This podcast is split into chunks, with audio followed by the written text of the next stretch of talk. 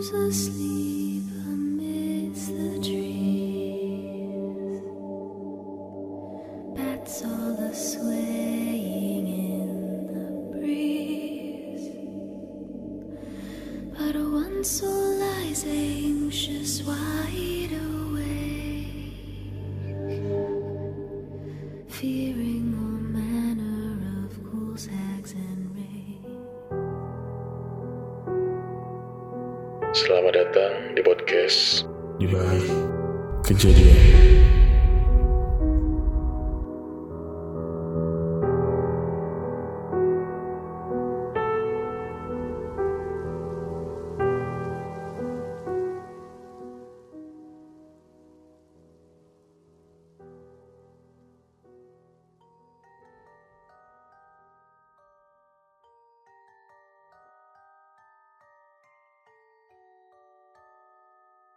Minggu sore, Desember 2019, Rino yang sedang berada di sebuah gang di kota Gresik, Jawa Timur, bersama seorang pemilik kos, sedang melihat-lihat kos yang akan dia sewa. Namun ketika pemilik kos membuka salah satu kamar kos miliknya, betapa kagetnya dia ketika melihat sosok mayat dalam posisi terlentang di atas kasur.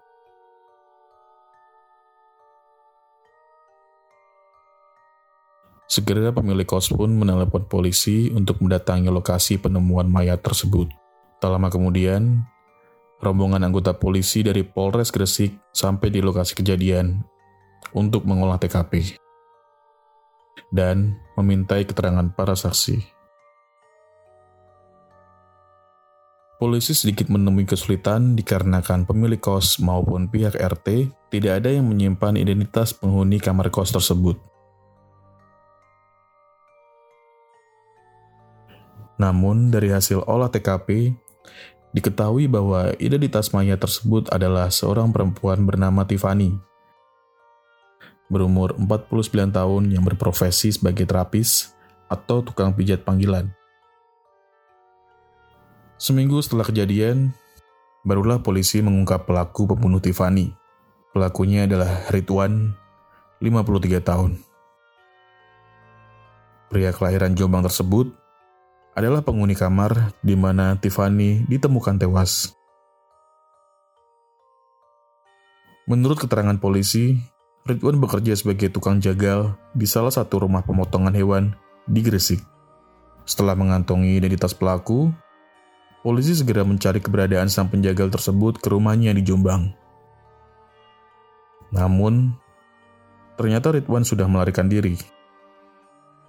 Menurut pengakuan keluarga Ridwan, dia pergi ke Banten untuk menemui salah satu anggota keluarganya yang lain. Ketika polisi sampai di Serang, Banten dalam pengejaran pelaku, keluarga Ridwan yang berada di Serang menyatakan bahwa Ridwan sempat meminta bantuan untuk menjual sebuah ponsel yang akan digunakan untuk ongkos pergi ke Berau. Dan diketahui bahwa ponsel tersebut ternyata adalah milik Tiffany. Kapolres Gresik pun berkoordinasi dengan Polres Berau dan bersama-sama dengan Satreskrim Polres Berau akhirnya mampu melacak dan meringkus Ridwan. Dalam keterangannya saat di kantor polisi, diketahui bahwa Ridwan nekat membunuh Tiffany karena korban kerap meminta sejumlah uang kepada pelaku dari mulai 500 ribu rupiah hingga 1 juta. Ridwan pun bercerita bahwa mereka memiliki hubungan asmara selama 7 tahun, walaupun mereka sudah memiliki keluarga masing-masing. Mereka berdua pun sudah terbiasa melakukan hubungan badan di kamar kos milik Ridwan, sehingga korban selalu meminta sejumlah uang kepada tersangka. Tiffany diperkirakan telah dibunuh lima bulan sebelum ditemukan atau sekitar 3 Juni 2019. Kronologinya saat itu, Ridwan sedang berada di kamar kos. Seperti biasa, dia menelpon Tiffany untuk datang dan memijatnya. Kemudian Tiffany pun datang. Ketika sudah selesai melayani Ridwan, Tiffany meminta uang lebih. Akhirnya, terjadilah cekcok. Dan dengan gelap mata, Ridwan pun membunuh Tiffany dengan keji. Ridwan pun dijatuhi vonis dengan hukuman 15 tahun penjara.